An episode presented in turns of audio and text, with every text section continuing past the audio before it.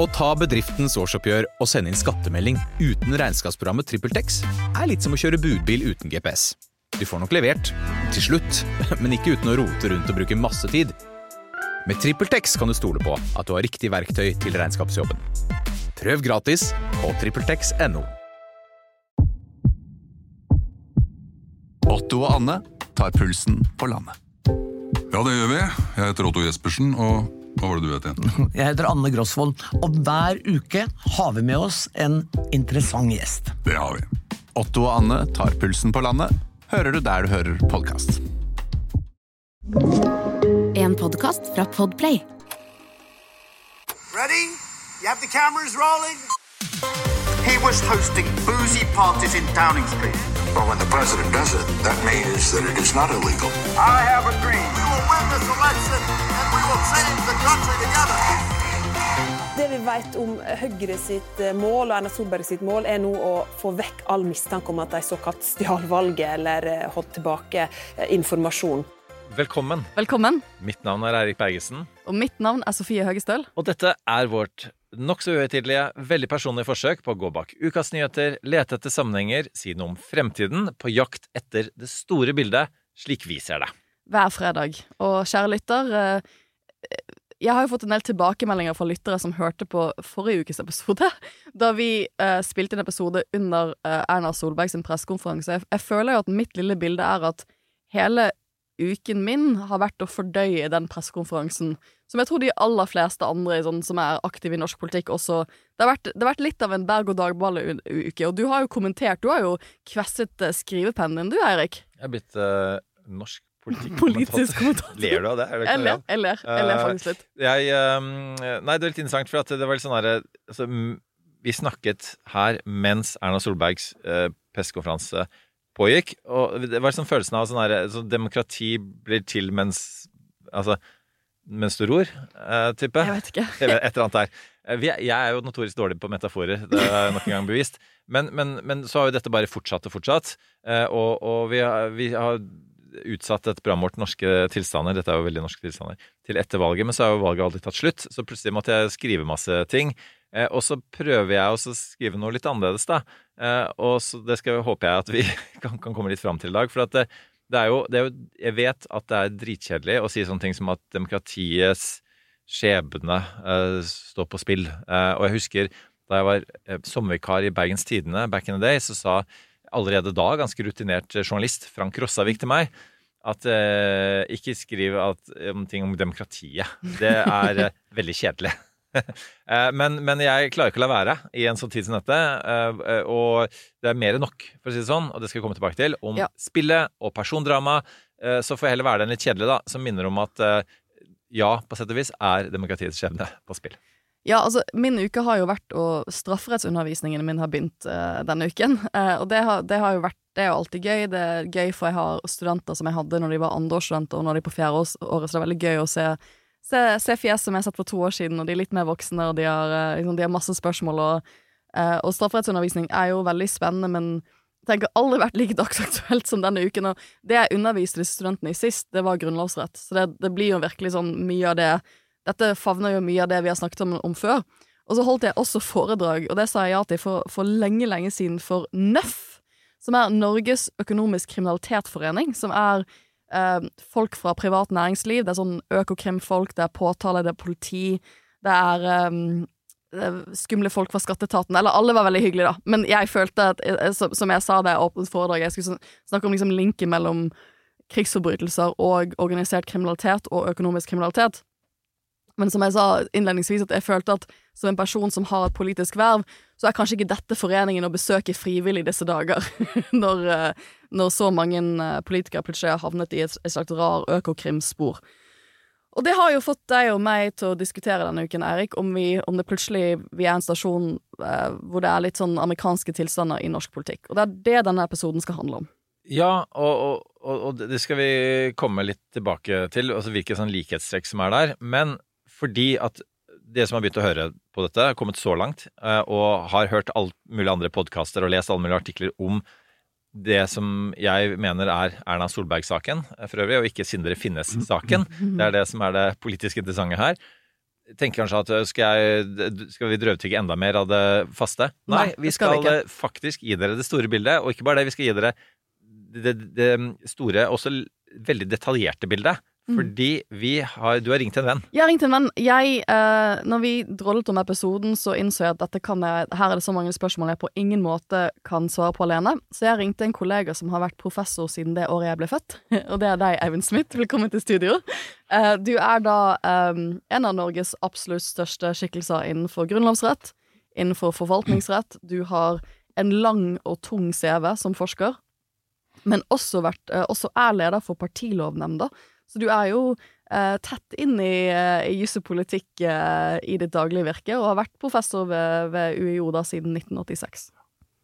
Det stemmer, ja. Det stemmer. Og eh, jeg ringte deg, eh, eller jeg, jeg skrev en, en hyggelig e-post til deg, håper jeg, um, for det at jeg bruker jo din, din bok som pensum når jeg underviser i statsrett. Og mange av de spørsmålene jeg har akkurat nå, tror jeg du er ganske unikt posisjonert til å besvare. For hvis jeg skulle oppstått, liksom opp, gjøre en slags statusoppdatering på hvor vi er nå en uke etter denne pressekonferansen til Erna Solberg, så er vi der at Erna Solberg ikke kommer til å gå av. Har signalisert gjennom ørten intervjuer med norsk media i går at um, hun, hun kommer til å fortsette i dette vervet, um, og at hun heller ikke nødvendigvis kommer til å trekke seg hvis det skulle bli en Økokrim-etterforskning av henne og, henne og mannen hennes. Og da er litt situasjonen slik, hvis vi skal prøve å nøste opp i hva er de forskjellige sporene nå, så er det tre spor. Det første, eller minst tre spor. Det første sporet er det strafferettslige, som jeg tenkte vi kunne begynne med, og kanskje snakke minst om. Og det andre sporet er dette parlamentariske sporet, som er hovedgrunnen til at jeg eh, ba deg om å komme hit i dag. Og det er da hva som skal skje i kontroll- og konstitusjonskomiteen. For det har nesten alle de siste 24 timene lagt veldig mye vekt på at det er det som blir ganske avgjørende nå fremover de neste ukene. Og det siste sporet er dette bredere hva er politisk ansvarssporet, som også er stor del av debatten nå. For jeg tenker at jeg tror ikke vi vi har amerikanske tilstander i norsk politikk eh, helt ennå, men jeg må si at det har vært litt surrealistisk å se Politisk kvarter to dager på rad hvor et av hovedtemaene er om valget ble påvirket, ikke sant? Om, om valget Om dette her har ført til en stasjon hvor man ikke kan stole på valgresultatet, eller valgresultatet er påvirket av at denne informasjonen kom til velgerne eh, en uke sen. En uke sent. Eh, det, det er jo surrealistisk, og noe jeg ikke ville ha forventet i norsk politikk for eh, et par uker siden. Eh, så det er veldig alvorlig, men jeg tenker at systemets evne til å favne over en sånn type alvorlig, eller flere alvorlige politiske kriser, det er jo hvor godt systemet er rustet til å håndtere de. Altså greier man å håndtere de på en god måte? Og det er litt det vi skal snakke om gjennom disse tre sporene her. Så hvis alle er enige om det, så bare hopper vi inn på første spor. Jeg, jeg, jeg er enig. jeg smiler. Checks and balances Checks and balances. Så det første sporet er jo da strafferettssporet. Og strafferettssporet det er jo mange forskjellige saker her. Men strafferettssporet kan vi jo si allerede er utkvittert for godeste Bjørnar Moxnes, som, som har, eh, har eh, fått en bot for, eh, for et solbrilletyveri. Ferdig med saken. Kanskje den enkleste og etter mitt syn den minst alvorlige saken som har kommet frem i sommer. Um, og så er det et litt mer komplisert spørsmål for en del andre uh, skikkelser, uh, som uh, en, del av disse andre sakene. Og det er jo fordi at det første jeg tenkte da Ole, Ola Borten Moe holdt sin pressekonferanse om at han hadde kjøpt aksjer, men at han ikke hadde begått innsidehandel, så må jeg si at det første jeg tenkte var at vi gjør ikke så mye økonomisk kriminalitet Vi har ikke det som hovedpensum i strafferettsfaget. Jeg er ikke ekspert på innsidehandel. Er ikke noe jeg har sett nok på. Men det jeg vet, det er at hvis du ser på verdipapirhandelloven, som er hvor dette er regulert, så er det ikke bare slik at det er såkalt forsettlig innsidehandel, altså innsidehandel du har gjort med vilje som er straffbart, det er også uaktsomt innsidehandel. Eh, og det var kanskje det spørsmålet jeg hadde, den liksom hva, hva betyr Hva kan uaktsomt innsidehandel være for en politiker i en sånn stasjon? Det har ikke jeg noe klart svar på.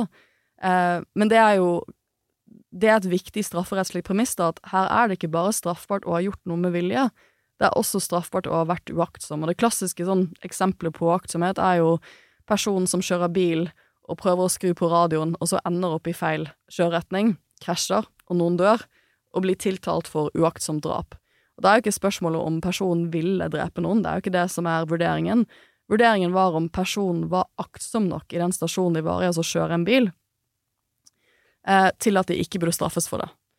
Hva burde en person gjort i den stasjonen der, er vurderingen. Um, Og hva en person, en statsråd, burde ha gjort når det kommer til innsidehandel eller innsideinformasjon når det kommer til kjøp og salg av aksjer, det har jeg ikke noe svar på. Og det er jo det svaret som statsadvokaten og politiet nå må nøste opp i um, i tre av disse sakene. Og så skjønner jeg det slik at Anette Trettebergstuen-saken, som er en annen type habilitetssak, der har man jo Dette skal vi komme tilbake til, men der har man jo valgt å ikke gå riksrettssporet. Eller da har uh, Stortingets eh, uh, Den seksjonen som driver med grunnlovsspørsmål, konkludert at det er det grunnlag for riksrett. Så jeg skjønner det slik at den saken har blitt sånn sendt til vanlig påtalemyndighet. Det betyr ikke på noen måte at Stortinget mener at hun har gjort noe straffbart, men det er bare hvis det skal være et straffespor, så er det vanlig påtalemyndighet, altså vanlig statsadvokat og politi, som må ta den vurderingen. Og jeg har jo full tillit til at vanlig politi skal kunne ta den vurderingen. Så det, sånn sett er det ikke amerikanske tilstander, for det er ingen her som har vært under søkelys av Økrim eller andre påtalemyndighet av politikerne som har begynt å si at dette er politisk, uh, politisk heks, heksejakt, eller noe i den duren. Det er ingenting trumpsk over retorikken til de politikerne som er i den klemma der. Er du ikke enig, Erik? Men, men en del av tilhengerne deres har insinuert ja. at Økokrim tar politiske vurderinger. Ja, det, det, kan vi komme tilbake til. Det, det, det, tenkte jeg vi skulle ta for oss nå, nettopp. For det, er jo en av de tingene vi var litt innom på poden forrige uke, som jeg syns kanskje vært mest foruroligende som, som sånn strafferetts, internasjonal strafferettsforsker. Det er når man begynner å snakke om politiseringen av eh, tiltalespørsmål, altså hvem som blir Eller etterforskningsspørsmål, hvem som blir etterforsket i en straffesak. Eh, og det begynte jo å røre på seg i forrige uke, og det har virkelig eh, eksplodert denne uken her, for det at Økokrim nå vurderer om de skal åpne en etterforskning mot Erna Solberg, og da er det mye spørsmål hvorfor kan samme Økokrim-sjef som var inhabil i å vurdere det samme spørsmålet mot Anniken Huitfeldt, nå vurdere Erna Solberg og mannen hennes. Og Derfor gikk jo du eh, ut, Eivind, eh, på Dagsrevyen for noen dager siden og mente at her burde man rett og slett utnevne en, en annen statsadvokat og se på saken. Hvorfor det? Uh, det der syns jeg er viktig å se i lys av at det er tre saker etter hverandre som på sett og vis handler om mulig eh, innsidehandel. Altså Ola Borten Moe-saken, der var det kjapt ute. Eh, de to andre har det foreløpig ikke skjedd noen ting med. De sier visstnok at de skal se på dem, eller de holder på å se på dem, eller noe slikt. Men, men, eh, men eh, det er jo det som primært kanskje har gitt grunnlaget for den, den insinuasjonen som noen kommer med, om at her kan det ligge litt politikk også bakom disse valgene. Eh, og Det som da for meg blir problemet, altså det er ikke at, at Pål Lønsvedt, altså sjefen i Økokrim, er inhabil fordi han er Arbeiderpartimedlem eller noe slikt overfor, overfor de to andre. For Det er det helt opplagt at han ikke er. Men at den, det er ikke helt lett å skjønne hvorfor de behandler tre sakene så ulikt. Selv om det naturligvis er sånn at i den første saken, Borten Moe-saken, så var det statsråden selv som handlet aksjer, og i de to andre så var det ektefellene som, ja. Som, som, gjorde det. Eh, og Derfor har jeg sagt at jeg syns Riksadvokaten nå burde plassere det ikke bare til en annen person i mm. underordnet sånn sett i Økokrim, men helt ut av huset, men at Økokrim selvsagt fortsetter å se på dette, fordi dette er ting de presumptivt kan ganske godt. Og da slipper vi den typen spekulasjoner om det likevel ligger noe uh, politikk bak den tilsynelatende inkonsekvensen i, som, som Økokrim selv har rotet seg litt opp i. Mm. Det, de, de, begrunnet jo den første langt på vei med noe i retning av at de syntes det var grunn til å se på det av hensyn til tilliten til, til demokratiet og politikken. Ja, for det var. Men det gjelder enda mye større grad for de to andre, og særlig for Erna Solberg, gitt hennes posisjon og gitt mm. mengden av uh, transaksjoner. Ja, og det, det, er jo litt det som jeg tror fikk som du sier, en del folk til å reagere i også strafferettsmiljøet. Det har jo vært tre professorer i strafferett som har vært ute og skrevet kronikk om samme tema i VG denne uken. Det er jo at man føler at når på Ola, Ola Borten Moe-saken så gikk man ganske fort ut, og så med en sånn veldig sånn prinsipiell begrunnelse på at det er viktig for demokratiet å gå inn og se på en sånn type sak. Eh, og så virker det som da, da, blir jo, da, blir det jo et større spørsmål hvorfor ikke den type begrunnelse gjelder i alle sakene, da. Og så blir det denne forvirringen rundt at eh, sjefen for Økrim er inhabil i Anniken Huitfeldt-sakene. For det, dette er jo et spørsmål jeg har fått fra, fra andre, um, og jeg er ikke ekspert på habilitetsreglene i staten. Men jeg, jeg har jo noen venner som jobber i staten, som har spurt meg sånn Er det ikke vanligvis slik i staten at hvis sjefen din er inhabil, så, så er enheten også inhabil? Jo, og det er jo en del av den saken. Og rent formelt så er det nok slik at det å sitte tilbakelent for alt jeg vet, og lure på om man skal se mer på denne saken eller ikke og sånn, det, det hører nok med i en sånn forberedende skrittene som selv den underordnede kan, kan foreta. Hvis det skal tas tiltale, da, da slår sjefen sin habilitet Inn. Men der er vi jo ikke i noen av disse sakene Nei, nå. og- og- kommer, det er slett ikke gitt at du kommer dit i det hele tatt. ikke sant der. Så, så men så, så, så, så kunne man jo argumentere i retning av at det er bare å sitte og lure på ja, skal vi nå gjøre noe med dette her eller ikke, det er ikke noen avgjørelse som, som du er inhabil til å foreta. Men nå øh, har jeg også fått med meg at Riksadvokaten har altså bestemt at i den ene saken Mm. øh, så skulle en annen i øh, Økokrim øh, ta det, selv om sjefen er inhabil. Ja, så så rent formelt Ja. er den der i og for seg ivaretatt, men det syns jeg ikke er tilstrekkelig gitt denne, denne litt uforståelige eh, forskjellsbehandlingen av de, de tre sakene. Og jeg kan jo godt nevne at flere til meg har, har nevnt, apropos det du eh, sier, Eirik, altså at eh, Økokrim har kanskje nølt veldig mye i overfor en sittende utenriksminister, og ikke riktignok sittende statsminister, men en veldig sentral eh, politiker som kan risikere et veldig stort fall, mens eh, Ola Borten Moe på sett og vis allerede hadde falt. Jeg vet ikke om det har noe for seg, men hvis det har noe for seg, så er det ikke til Økokrims fordel. Nei, For meg er det jo bare inntrykket av det som er så skadelig. ikke sant? Jeg, jeg så ingen tvil om, om at eh, de statsadvokatene som jobber med denne saken i Økokrim, ikke er superdyktige og ikke, er, eh, ikke, ikke gjør dette absolutt etter boken, men for meg er det bare selve inntrykket som er så skadelig. da. Det var Høyre-ordføreren i Øygarden, Tom Georg Indrevik, eh, som er også medlem av Høyres sentralstyre, som sa man kan undres over at de brukte noen timer på å legge Anniken Huitfeldts eh, sak til side, men brukte noen, skal bruke måneder på dette. Eh, og så fortsetter for øvrig å si men min tillit til Erna er eh, foreløpig urokket. Eh, så det er klart at, at den type det, det, det, er- en forskjell på, både litt sånne her, eh, akademiske diskusjoner eh, og, rett og slett mistenkeliggjøring eh, av et forvaltningsorgan.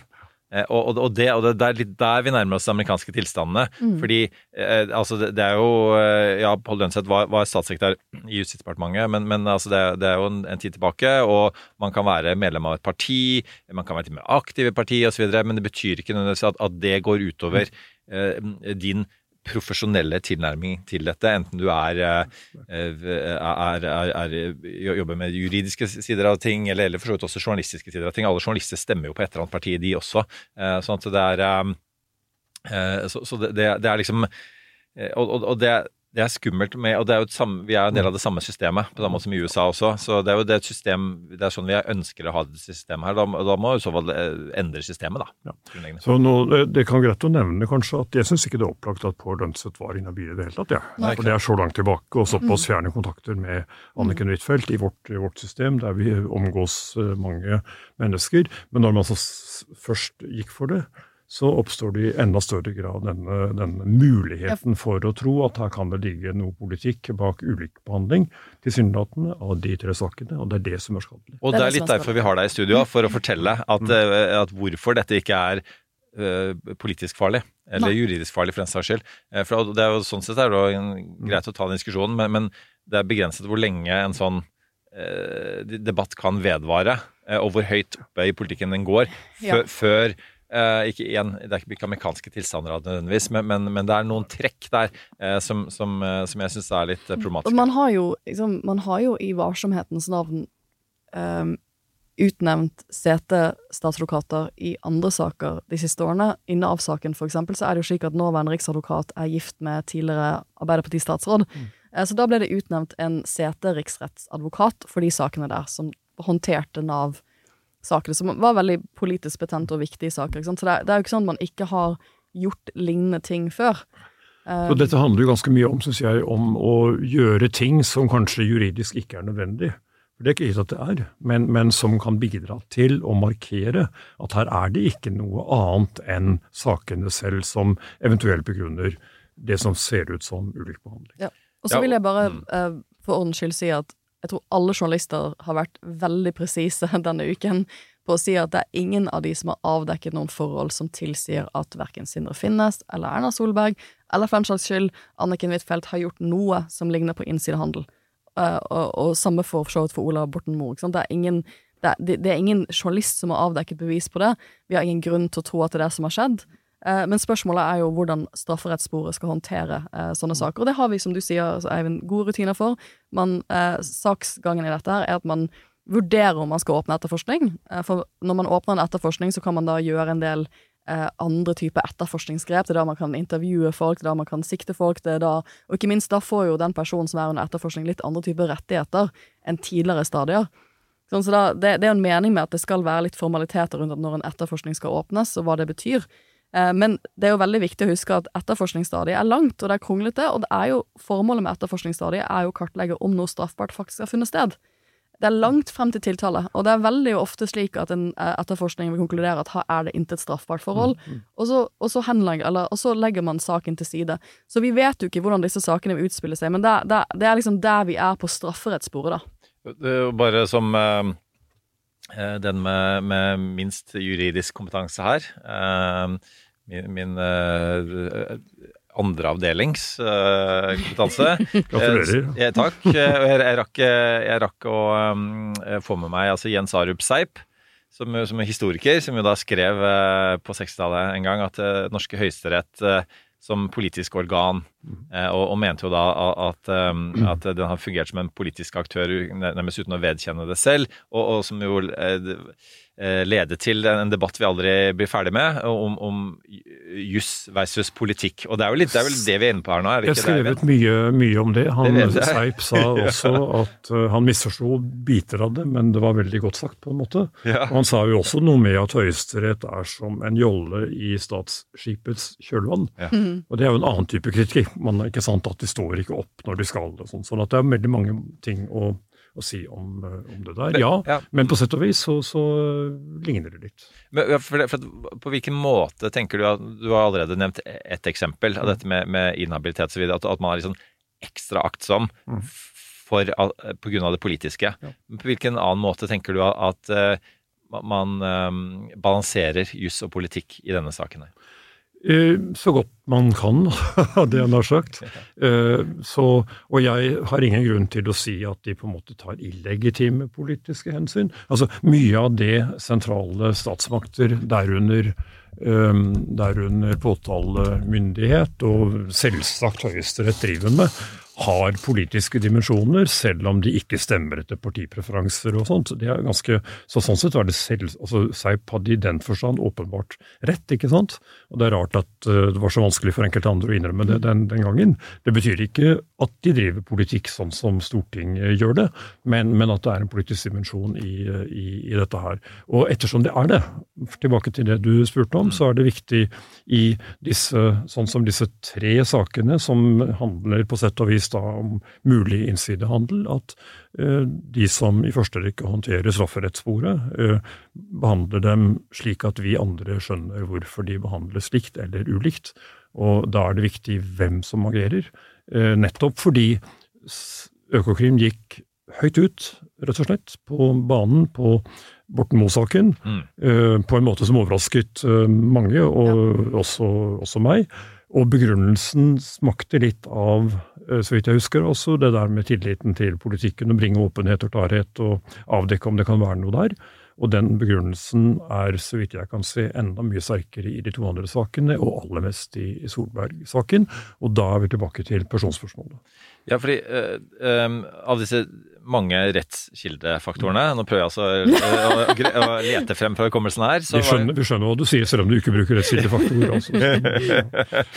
Og så, så hadde man jo, har man jo uh, Boka mi den gangen var på nynorsk, da. Så allmenn rettskjensle. Mm. Som, som jo uh, er, er det én av syv uh, faktorer, men som er kanskje en av de aller viktigste i politikken. Det er jo, det er jo på en måte det Mm. politikerne styrer på. Og, og, og, og An- Erna Solberg, er det én ting hun sitter og følger med nøye på, er meningsmålingene. Mm. Eh, og, og på hvilken måte er det avgjørende for eh, det at det, de, den følelsen folk sitter inne med nå, om, om rettferdighet eh, har skjedd, eh, fylles til denne saken? Ja, så det var det, altså allmenn rettskjensle, rettsfølelse, allmenn rettsbevissthet, som, som man sier på bokmål, det er ikke noe viktig rettskildefaktor. Det skal egentlig ikke være det i det hele tatt. ikke Nei, sant? er Dommeren sant. skal dømme etter loven. Ja. Påtalemyndigheten skal uh, ikke dømme, men, men un, undersøke, etterforske etter loven og ta ut tiltale hvis loven tilsier det, uavhengig av om man liker uh, den tiltalte eller, eller ikke. ikke sant? Så det er ganske viktig å holde det der unna, egentlig. For 100 år siden så argumenterte de vilt vekk med, med, med hva folk flest mente og sånn om sånne ting, uten at de hadde filla peiling på det. Det er fordi noen hundre år siden jeg studerte juss, så ja, ikke, ja, ja, men det er nok etter den, etter den tiden. Etter det, men, men altså går det et, et århundre tilbake, så er det jo altså et, et våre begreper hårreisende, hvordan folk kunne finne på å argumentere. ikke sant? Sentrale jurister, nettopp om den alminnelige rettsbøyten som tilsa et eller annet. De hadde jo ikke peiling, og de levde jo i en boble, sånn embetsbobla på toppen, og var langt unna hva folk nedi der eh, måtte mene om, om ditt og datt. Så, så det er grunn til å være forsiktig med, med den typen argumentasjon. Men, men hvordan det ser ut utenfra, uten å blande inn den, den typen begreper, det er viktig. Det er viktig. Eh, Det er politikk, det er følelse av rettferdighet, det er følelse av at ting går ordentlig for seg. Følelsen av at valget eventuelt ikke var stjålet eller, eller sånt. Ok, Da føler jeg at vi har landet straffesporet, i alle fall hva som er statusen i dag i straffesporet. Og da går vi videre til det såkalte parlamentarisk sporet. Eh, og det er jo da kontroll- og konstitusjonskomiteen på Stortinget, som nå skal gjøre en, en samlet sak av alle disse habilitetssakene som har kommet opp i løpet av sommeren. Eh, og for ordens skyld da ikke selvfølgelig Bjørnar Moxnes-saken, det har ingenting med parlamentarisk kontroll å gjøre. Og kan du, eh, Eivind, det er et stort spørsmål, kort, forklare, hva er liksom hva Når man sier liksom parlamentarisk kontroll, hva er rollen til kontroll- og konstitusjonskomiteen i sånne saker som dette? Så En av Stortingets eh, viktigste oppgaver er å kontrollere den, den utøvende makt. Eh, Og Det handler jo som regel ikke om å vedta mistillit og tvinge regjeringen til å gå, det handler om alt det andre som, som skjer, og som regel fører det jo ikke til mer enn i maksimale fall eh, tøff kritikk sant, av en statsråd. Altså Det er regjeringen man skal kontrollere, og det gjelder både den regjeringen som sitter nå, og det skjer jo på mange måter ved behandlingen av lovforslag og statsbudsjetter og, og masse annet. ikke sant der, og, og det skjer i ettertid. Og den etterhåndskontrollen den eh, omfatter jo ikke bare dagens regjering, som jeg sa, men også regjeringer som har vært, i hvert fall så lenge tilbake i tid som man gidder å, for å si det uærbødig, å, å gå inn på det. Eh, Så det, altså, eh, Huitfeldt er medlem av regjeringen, Borten Moe var medlem av regjeringen. Eh, Det gjelder de Brenna og, og Trettebergstuen var eller er. Og Erna Solberg var i aller høyeste grad medlem av regjeringen til inntil for et par år siden. Og det er den egenskapen kontrollkomiteen da skal tre inn, og har sagt at de vil tre inn, og det står for meg som svært eh, rimelig at de gjør det. Og det er jo den som trer inn i første rekke, og ikke Stortinget sånn i den fine salen vi Mm. ser på TV, og noen av oss har jo også vært der. Eh, Men fordi et, et, en forsamling på 169 mennesker er ikke særlig arbeidsdyktig til veldig mange ting, undersøkelsene foretas av andre. Og det er det de er i gang med nå. De er i gang med yngelse, og for ordens skyld skal jeg igjen bare opplyse om at litt av grunnen til at jeg syns det er vanskelig å snakke om dette selv, og eh, jeg er ekstra glad for at Eivind er her, er jo at jeg er vara til um, Grunde Almeland på Stortinget, som nå er saksordfører for denne saken i kontroll- og konstitusjonskomiteen. Så jeg har jo møtt noen uker i kontroll- og konstitusjonskomiteen. jeg har vært på Så nå bør du kanskje passe på å gå ut av rommet. Ja, ja, for det, det er litt det jeg har liksom Nei, det, er- jeg, jeg, ja, Men det, det, det er Hold liksom deg for ørene litt. Rann, og jeg tipper at det er habilitet eh, nok. eh. Men det, men det er litt det som For jeg har fått masse gode For jeg, jeg gjorde kontrollfunksjonen til Stortinget med studentene mine for noen uker siden, og fikk masse gode spørsmål. For de har jo Dette aktualiserer jo den kontrollfunksjonen på en måte som, som kanskje ikke offentligheten det er jo, Kontroll- og konstitusjonskomiteen har jo masse saker. Det, de ser jo på masse forskjellige spørsmål, men dette er jo en så stor sak at folk får jo med seg at nå skal et eller annet skje. Og da var det en av de som spurte sånn Men hva er poenget med det? Altså, hva, hva, hva kan komme ut av en sånn kontrollsak? Hva er det de skal finne ut av? De skal prøve å avdekke fakta, øh, og vel å merke fakta som medlemmene av komiteen syns er interessante å finne ut av. Så det er Ikke nødvendigvis de du eller jeg eller vi vil mm. undersøke, Men nå, det altså, nå går det jo åpenbart veldig bredt ut og spør om masse viktig og relevant, og noen ting som sikkert er litt mindre viktig og, og relevant. Det er sånn det er. Og, og, det er litt ulike syn fra partiene på hva man bør legge vekten på. Og så er jo tendenser i komiteen at man tar med, tar med alt. Eh, det er ikke til å hindre at en stortingskomité er politisk sammensatt, og da er det heller ikke til å hindre at eh, den som f.eks. representerer Høyre, nå kan kanskje være litt mindre hissig på Erna Solberg eh, enn de fra SV, f.eks. Eh, men det er en del av spillet så lenge det skjer i full åpenhet, og man dokumenterer det hele eh, skriftlig. Og Hva det kan munne ut i, i tillegg til da disse eh, åpne altså kontrollhøringene og sånt, som skal skje i november, tror jeg, det er jo at komiteen før eller etter jul lager en innstilling til Stortinget, mm. hvor da komiteen enstemmig, eller deler av komiteen, flertall, mindretall osv., gir forslag til hvordan disse forholdene skal omtales.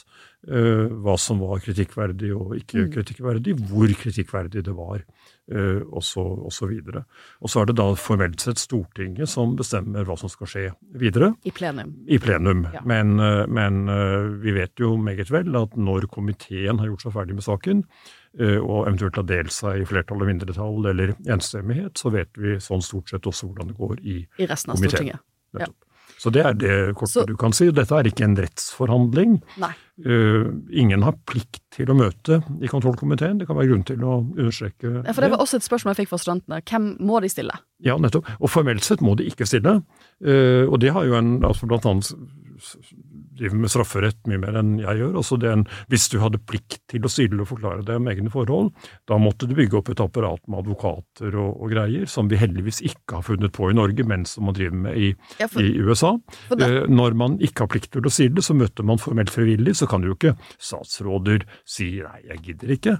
Men hvis man skulle be f.eks. Indre Finnes om å komme, man har jo hatt privatpersoner som har vært innkalt tidligere, så kan de si nei, og det har også skjedd. Ja, for det er jo en av hovedforskjellene mellom en sånn type kontrollhøring i den amerikanske kongressen, er at da er du ofte Da, da kan komiteen tvinge folk til å komme og, og møte. Og du avgir forklaring under ed. Under ed og det har vi jo sett, vi har jo snakket mye om sånne type høringer på denne poden her. Eh, så det, det, er jo et alvor i det, og det er jo derfor, hvis du skal møte en sånn type høring i den amerikanske kongressen, så må du møte med advokater. Og det har jo gjerne vært slik at i en del sånne kontrollsaker så er det jo gjerne sånn eh, så eh, De innkaller jo ofte bredt, ikke sant, så du, ender opp med litt sånn lavtrangerende partiassistenter som da må bruke masse penger på advokater fordi at du, du feilforklarer ikke til en sånn kongresskomité. Da kan du jo ende med Den type feilforklaring har en strafferamme på fem år. Men det er en viktig forskjell, for det, har jo vært noen som har vært ute i mediene vært sånn snakket om plikt å stille. Og som du sier, det er, og, og statsrådene er plikt å stille. Mm. Og som du sier, de er jo egentlig ikke det, men det er jo veldig politisk nok ganske umulig for deg som statsråd å si nei. It's an offer you can't refuse ja. når du sitter i visse typer roller, eller ja. har sittet der. ikke sant? Ja. Du, du, nevnte den teoretiske muligheten til at Sindre Finnes kunne møte. Mm. Eh, jeg klarer ikke å la være å spørre deg om, om, Er det noen realitet i det? Kan, kan man havne i en situasjon hvor, hvor det blir riktig med tanke på prosessen at han faktisk møter? For det har jo vært en diskusjon, det også. Det har vært litt diskusjoner ja. om det, og, og, der har jeg nok vært en liten sånn partipolitisk uh, greie, fordi fra høyresiden vil det si at det har vi tradisjon for mm. i vårt system, og det er stort sett riktig, men ikke helt.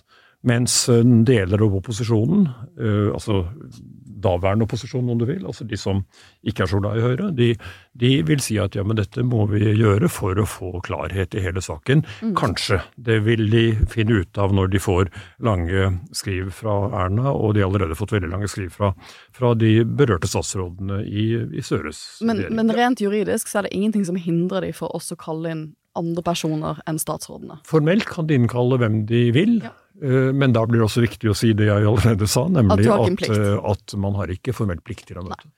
Samtidig så, så, kan man også si, og dette er jo et mer politisk argument, da, at um, Erna ved å på en måte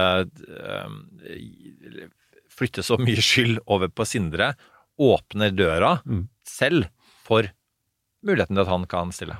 Jeg er helt enig. Uh, altså, vi må legge inn som en sånn, uh, la oss minst underforstått Eh, forutsetning at det man vil spørre Sindre Finnes om, er sånn som kan belyse Ernas atferd. Ikke sant? For komiteen skal ikke etterforske, for å si det sånn, um, innsidehandel eller, eller sånn, som, som, det var han som eventuelt har, har, drevet med. Men forutsatt at de på en måte kan, kan eh, legitimere det som et ledd i undersøkelsen av hans ektefelle, så, så kan de ikke se noe juridisk til hinder for å invitere ham. Og her er det jo et lite poeng i seg selv at en tredjedel av komiteen har ganske store fullmakter i denne komiteen. Ikke til å bestemme noe uh, når det kommer til resultater og bedømmelser, men til å bestemme hvilke skritt som skal, skal uh, foretas. I og med at uh, noe av bakteppet her er har vi amerikanske tilstander i, eller kan vi risikere å få i norsk politikk, og hva skal vi gjøre for å unngå det? Kan det tenkes at, uh, at man iallfall teoretisk sett da, risikerer at et politisk parti bruker kontroll- og konstitusjonskomiteen eh, politisk, i den forstand at, at man, man eh, ikke ser på liksom, hva som er juridisk eh, interessant i en sak, mm. men man, man, bruker det som egentlig bare for å sånn, det amerikansk politikere har kalt grandstanding. At man får noen gode soundbites mm. av å stå og kritisere en eller annen person som sitter på tiltalebenken, og nå viser jeg med anførselstegn her, eh, og, og at, at, man så, igjen, sånn med amerikansk politikk, kanskje nærmest har sluttet å bruke parlamentet til å få gjennom lover, men, men bare for å på en måte drive politisk spinn eh, og drive med politiske utspill. At kontroll- og konstitusjon, konstitusjonskomiteen dermed blir en utspillsarena mer enn en, en faktisk eh, parlamentarisk, politisk og juridisk organ. Uh, ja, men den, den, spenningen ligger der hele tiden. Jeg, jeg nevnte vel litt for litt siden, tenker jeg, om at uh, vi ikke må glemme at en hvilken som helst stortingskomité er en stortingskomité. Ja. At det er sammensatt av medlemmer proporsjonalt med partienes uh, styrke, som hovedregel, for å gjøre forberedelsesarbeidet for Stortinget, som også er i høy grad et politisk organ, og skal være det. Så det er ikke noe galt i seg selv, det er viktig å understreke det. Eh, men ja, det følger jo også der at, eh, at det, det, er jo ikke nødvendigvis gitt at Eller det er jo slett ikke gitt, det er tvert imot. altså det Komiteen og medlemmene kan bygge på juss, og det vil de i høyeste grad gjøre i denne saken, og meninger om mobilitetsregler og Eh, og, og greier. Men, men, eh, de vil jo kunne vekte sine argumenter ut fra hvem de liker og ikke liker, for å si det sånn, om det tjener deres eget parti eller ikke. Og det vil være grader av politisk retorikk? Ja. Det er helt klart. helt klart, helt klart. Og jeg gjentar, det er ikke noe illegitimt i det, men det er opp til komiteen selv å vise at de klarer å holde seg sånn noenlunde på matta når det gjelder de saksspørsmålene de skal, de skal belyse. Det har vært en diskusjon uh, om hvor, hvorvidt en komité for en par-tre parlamenter siden eh, gjorde det. Og jeg tror nok at etter Hvilken sak var det? Ja, det var nok eh, Jeg tror mange vil nok si at i den tiden Martin Kolberg ledet komiteen, så var det vel et, et ganske utbredt syn etter hvert at de ble noe vel aktivistiske. Uh, så jeg tror nok at et mål har vært for de to etterfølgende lederne, også Petter Førlis nå, og på en måte dempe det litt ned og forsøke å liksom holde på sakligheten i, i en viss forstand. Det er mye å si om det, men, men, det er bare en liten, liten bit som jeg tar med. Mm. For dette tror jeg er ganske allmenn kunnskap i, i dette miljøet. Ja. Jeg syns det er morsomt, for lytterne kan ikke se det, men jeg føler Eirik og jeg konkurrerer om å stille spørsmål nå. Vi prøver å smette inn altså, Vi har så mange spørsmål. Dette er så bra. Eh, bare en sånn tilleggsopplysning til dette med at man har ikke plikt til å møte. Og man må ikke avlegge en ed, sånn som man må gjøre eh, foran en, eh, en amerikansk kongresskomité. Men man har jo opplysningsplikten for sittende medlem i regjering. Mm. Så et sittende medlem av statsråd, står det i Grunnlovens paragraf 82, må, eh, fremlegge, må ikke fremlegge uriktige eller villedende opplysninger for Stortinget eller dets organer. Mm. Så det betyr at de statsrådene som er sittende her, mm. har jo den opplysningsplikten når de skal eh, forklare seg for eh, kontroll- og konstitusjonskomiteen. Og de kommer nok til å bruke mye tid på å klargjøre hvordan de skal forklare seg. Fordi, mm. for hvis du bryter opplysningsplikten, så er jo i verst fall riksrett utfaller av det. Ja, det er helt klart. Det er helt klart. Det der kan jeg mye om, for jeg var den som utviklet eh, grunn, grunnlaget for den bestemmelsen i, i, i sin tid. Uh, og, det er en helt altså grunnleggende spilleregel at mm. Stortinget har ikke selv uh, tusenvis av mennesker som skal utrede sakene. De må kunne stole på det regjeringsapparatet sier. Og derav altså opplysningsplikten. Men en annen ting, altså du, det var en liten sånn sidebemerkning eller kommentar til, til det du sa, Eirik, om uh, hvorvidt det ville være rimelig å innkalle Sindre Finnes. Altså Jeg mener jo ikke noe bestemt om, om det, jeg bare påpeker at i og for seg kan de gjøre det, så får Finnes selv avgjøre om han vil møte eller ikke, forutsatt at de mener at det han kan si, kan belyse Ernas uh, atferd. Ikke sant, i, i, i dette. Eh, når det kan være ting som taler for at de kanskje vil gjøre det, eh, så er det jo nettopp av den grunnen du sa, nemlig at både Erna Solberg selv og, eh, og partiet Høyre har jo gått Personlig syns jeg nesten sjokkerende langt i å gjøre det mange har sagt, nemlig skyve syndere under bussen. Og at det er ledd i en strategi, det, det, det har jeg sagt et annet sted, og det mener jeg nok nokså opplagt. ikke sant? Da er det heller å, å skjerme, skjerme lederen, og snarere gå inn, inn der. Eh, og nå går det dag etter dag, og så kommer det noen intervjuer nå, og så kommer det en pressekonferanse da, og Høyre kommer innimellom og sånn. Du sa i sted noe med som et, et, et sånt, et uttrykk som er altså demokratiet blir til mens du går, ville vel være den liksom korrekte er versjonen. Du sa demokratiet blir til mens man ror. Og jeg syns jo det kan uh, si litt grann om denne prosessen nå. Nå handler det om for noen å få tiden til å gå, og så kan det hende at det har rotet seg litt i november. Det, det vekker mange spørsmål. Um, det, til det aller siste. Um, Henrik Asheim, uh, som eh, folk har sett en del til nå, som nestleder, som har på en måte kommentert dette. Um, kan man si man vil om hans tone of voice. Jeg vil si at kanskje det er litt vel oppesen, og litt kanskje ikke alvorlig nok. Selv om han sier um, de riktige tingene for de i den situasjonen. Men ha, han sa på Stortingsrestauranten, eh, det, det, Høyres eh, meget gode podkast, fordi de er så åpenhjertige som de er. I motsetning til en del andre eh, Politiske Arbeiderpartiets podcaster. podkast, som, som i nå ikke lenger fins.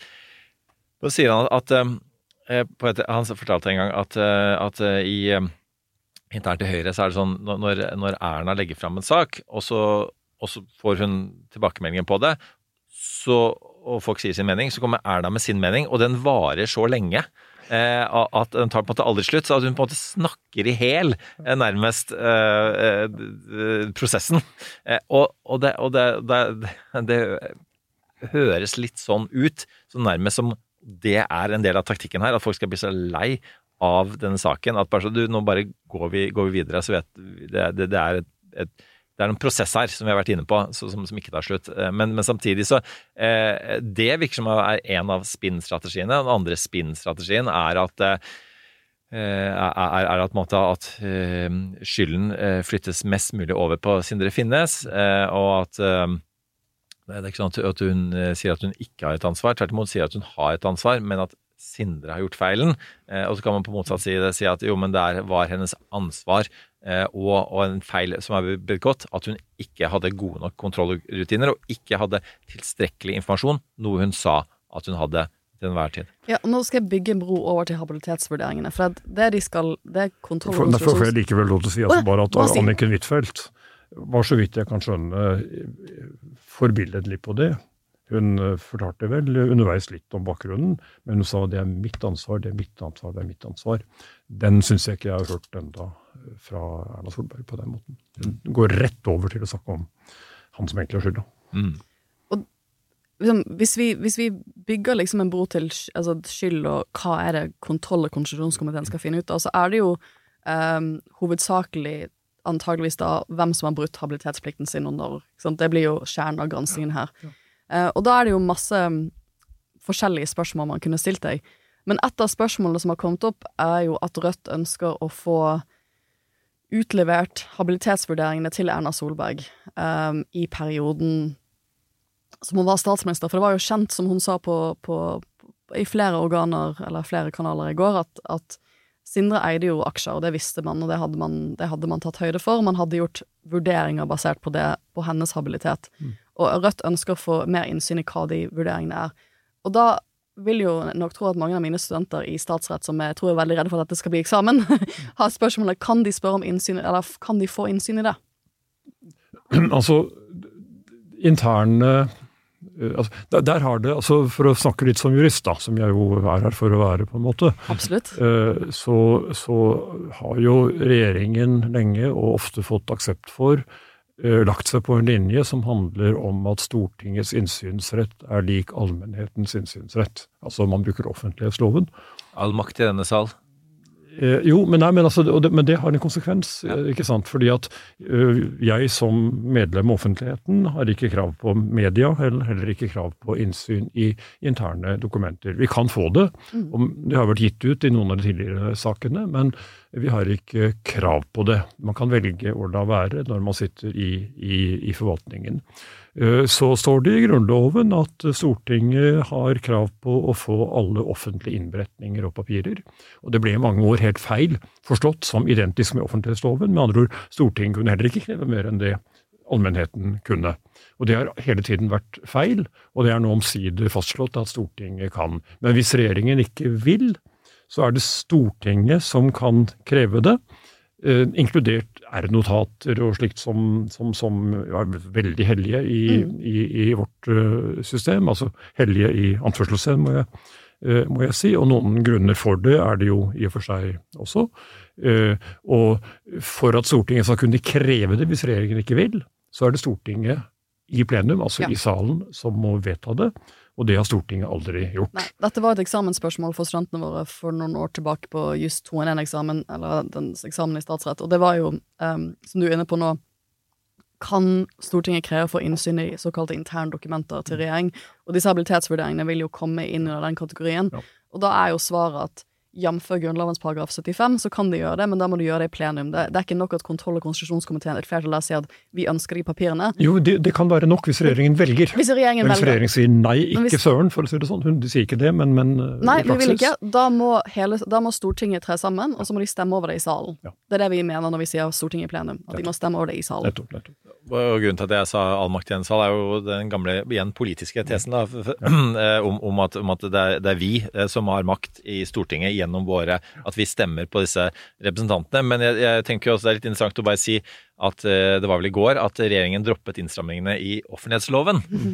Og med, med, med nettopp med, med altså innsyn i, i, i saksbehandlingen som man ønsket å, å, å begrense.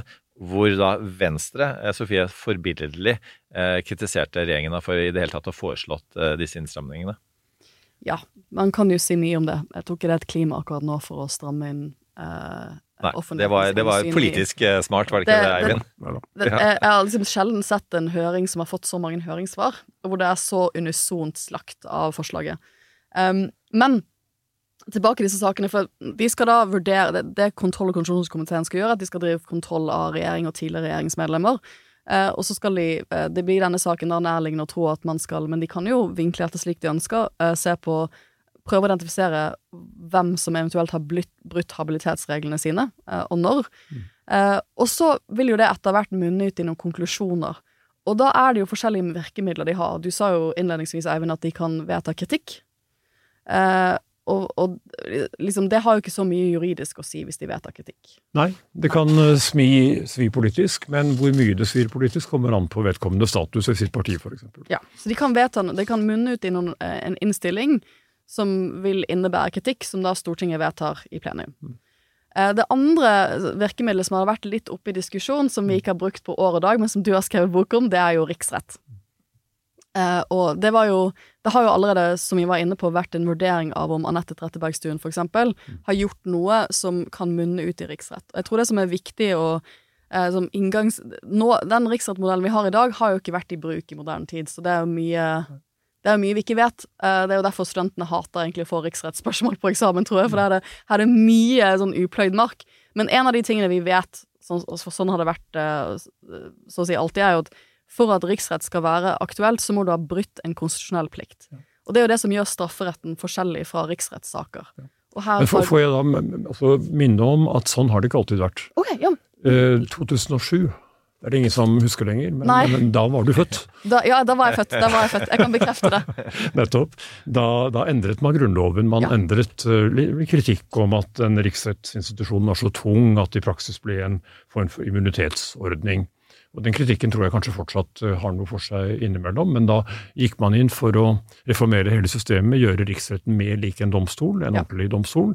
Mindre, noe mindre politisk eh, i hvert fall, og man strammet kraftig inn hva riksretten skulle kunne holde på med. og Før så var det slik at statsråder annet kunne dømmes for det de gjorde som sådanne, altså som statsråder. Det visste jeg ikke. Altså, ja. Det I 2007 så ble det strammet inn til det du sa, eh, som nå gjelder, nemlig brudd på konstitusjonelle plikter, og de fjerner bl.a. en regel i Grunnloven som inviterte riksretten til å vurdere om regjeringen hadde opptrådt øyensynlig landsskadelig og slikt, og de sa, etter mitt skjønn ganske fornuftig, at det syns ikke vi at jurister skal vurdere, det, eller de må gjerne vurdere det, men ikke avgjøre det. Det er en politisk sak å, å, å vurdere. Og det er det som er bakgrunnen for at eh, den avdelingen i Stortinget som holder på med, med sånt, altså juristene der, eh, ga det råd til komiteen at uh, Trettebergstuen ikke hadde brukt noen konstitusjonelle plikter, og det er jeg enig i. Ja. Um, Det er ikke noe helt skarpt begrep. De mente nok at det var skarpere enn det i praksis vil være. Det, det finnes masse muligheter for å strekke og diskutere grensen, men hovedtrekkene er likevel ganske klare. Eh, Og når man sier det, og det var da komiteen eh, etter mitt skjønn helt eh, korrekt enig i, da følger det av reglementet i Stortinget, forretningsordenen, at da skal saken automatisk sendes til påtalemyndigheten, påtalemyndigheten. Og så skal de vurdere om Trettebergstuens sak er straffbar i seg selv, og de skal helt sikkert også vurdere, de kommer til å vurdere om om Trettebergstuen, hvis det nå skulle være noe straffbart i det, og det er jo ikke gitt, ikke sant, vi må ha det forbeholdet hele tiden, Mm. eh, om det i så fall er noe som man pleier å straffedømme offentlige ansatte generelt for.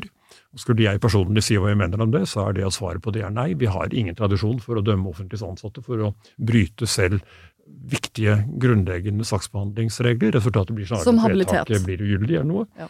Eh, Så jeg tror at jeg aner hvor saken går, Mm. men det er fint at den ligger der, for da får man iallfall avklart det. For det, det, det skal de avklare. Det er jo der Anette Trettebergstuen-saken er, for rent formelt. Men um, det, det er jo for studentene mine, i og med som du sier, at jeg visste jo at den var reformert i 2007. Jeg har jo bare vært inne i jussen så å si siden 2007, så jeg bare forholdt meg til den nye ordningen. Men det er altså en ganske grunnleggende endring. Det var ment grunnleggende, og den er grunnleggende. Det er jo kjempespennende, for det, det gjør det jo altså, en av de, Du har jo sett mye på det amerikanske systemet også i, i USA, og det, dette var vi jo inne på når vi snakket om riksrettssakene mot Trump. Da er det jo mye sånn videre begreper for når man kan igangsette, eller hva som skal danne grunnlaget for en tiltale i riksrett, som blir veldig skjønnsmessig og politisk vurdert, da. Mens når du strammer det inn til konstitusjonelle plikter, så er det ganske mye hva kan man si, dårlig oppførsel som faller utenfor.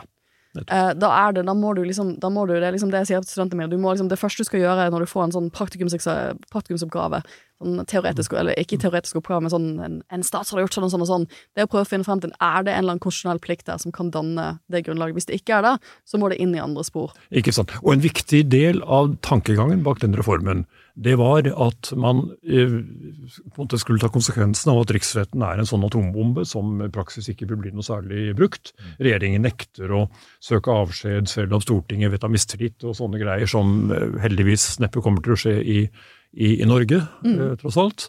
Eh, men man insisterer på at det vanlige straffesporet, det gjelder også for Ja. statsråder. Ja, så det er jo det vanligste. og det har jo ikke spilt noen veldig stor rolle, og det kan jo også skyldes at statsråder ikke ofte er så veldig kriminelle, men, men, men det er viktig å un- understreke at de er undergitt samme regler som deg og meg. Men, men da, da vil jo oppfølgingsspørsmålet for studentene mine være Kan et brudd på habilitetspliktene som, som statsråd eh, eller statsminister i, være en brudd på en konstitusjonell plikt som kan danne grunnlag for riksrett? Og her snakker vi om noe som ikke har blitt avgjort ordentlig ennå, eller nei? Det, nei, men det er ikke avgjort på annen måte enn at uh, vi må huske på også at den som bestemmer om noe skal gi grunnlag for riksrett, det er Stortinget. Ja. Ikke sant? Og når Stortinget, da komiteen, sier at det er det ikke, så kommer ikke saken sånn sett til, til eh, plenum. Uh, og i tillegg mener jeg nok at den, den, de juristene i Stortinget, og sånn sett også komiteen, hadde rett når de sa at dette farer nokså klart utenfor. Ja. Det, Vi har jo hatt noen sånne snurrige saker i de, for en, etter hvert en god stund siden, om du var født eller ikke, husker jeg ikke riktig. Men, men, men eh, det var f.eks. en statsråd som hadde forfalsket eh, drosjeregninger og lagt til en null på, på regningen og sånt for å få Astrid Gjertsen, Høyre. Hva for noe? Astrid Gjertsen i Høyre, var det ikke det? Jo, det var det. Og det Nokså tragisk sak, tror jeg, hele greia, den personen i bakgrunnen og sånn. Men det, det gjorde hun helt opplagt som statsråd. Så sånn sett skulle det vært riksrett i, i den saken, om man tok det veldig strengt. Men da sa Stortinget at uh, dette er sånn som alle andre kan gjøre, og sånn, så vi lar det være. Og rent juridisk uh, var det diskutabelt, men, men, for øvrig var det ganske fornuftig. Men da slipper man i hvert fall i mye større grad den, den typen rare ja. grensetilfeller. Ja noe av det interessante med saken der, og det er jo kanskje den som minner aller mest om Bjørnar Moxnes-saken. Ja. Som er som en helt uforståelig ting å gjøre, okay. og egentlig små beløper. Ja. Men, men, men, som du, du, er inne på, egentlig en personlig krise, da, antageligvis på det tidspunktet. Um, man, man Så, og, ja. Da er vel konklusjonen her at det blir mindre amerikanske tilstander fordi at vi har strammet inn riksrett, og som du sier, gjort det mye mer eh, vanlig domstolaktig. For vi har jo sett dette utspille seg i USA, men i likhet med Norge, da, i USA så er det jo underhus, altså det er jo um, eh, Representantenes hus som tar ut tiltale. Så det er for så vidt det er et politisk det er jo en, Og det er som i Norge. Det er som altså i Norge, Stortinget, ja. altså på dette vis som i Norge, Stortinget må ta ut tiltale. Så der er vi like, men der vi skiller oss, er jo at da går saken i norsk kontekst videre til en, en spesialversjon av Høyesterett. Mm. Eh, som består Riktignok med politisk, med politisk flertall. flertall. Men, men likevel, ikke sant. Ja. Ja. Mens i USA så blir jo domstolen, i, da bruker jeg også her med gåstegn, det blir jo da Senatet. Uh, og de uh, dommerne i saken blir jo de 100 uh, stykkene som sitter i Senatet. Så det blir jo en ren sånn politisk domstol.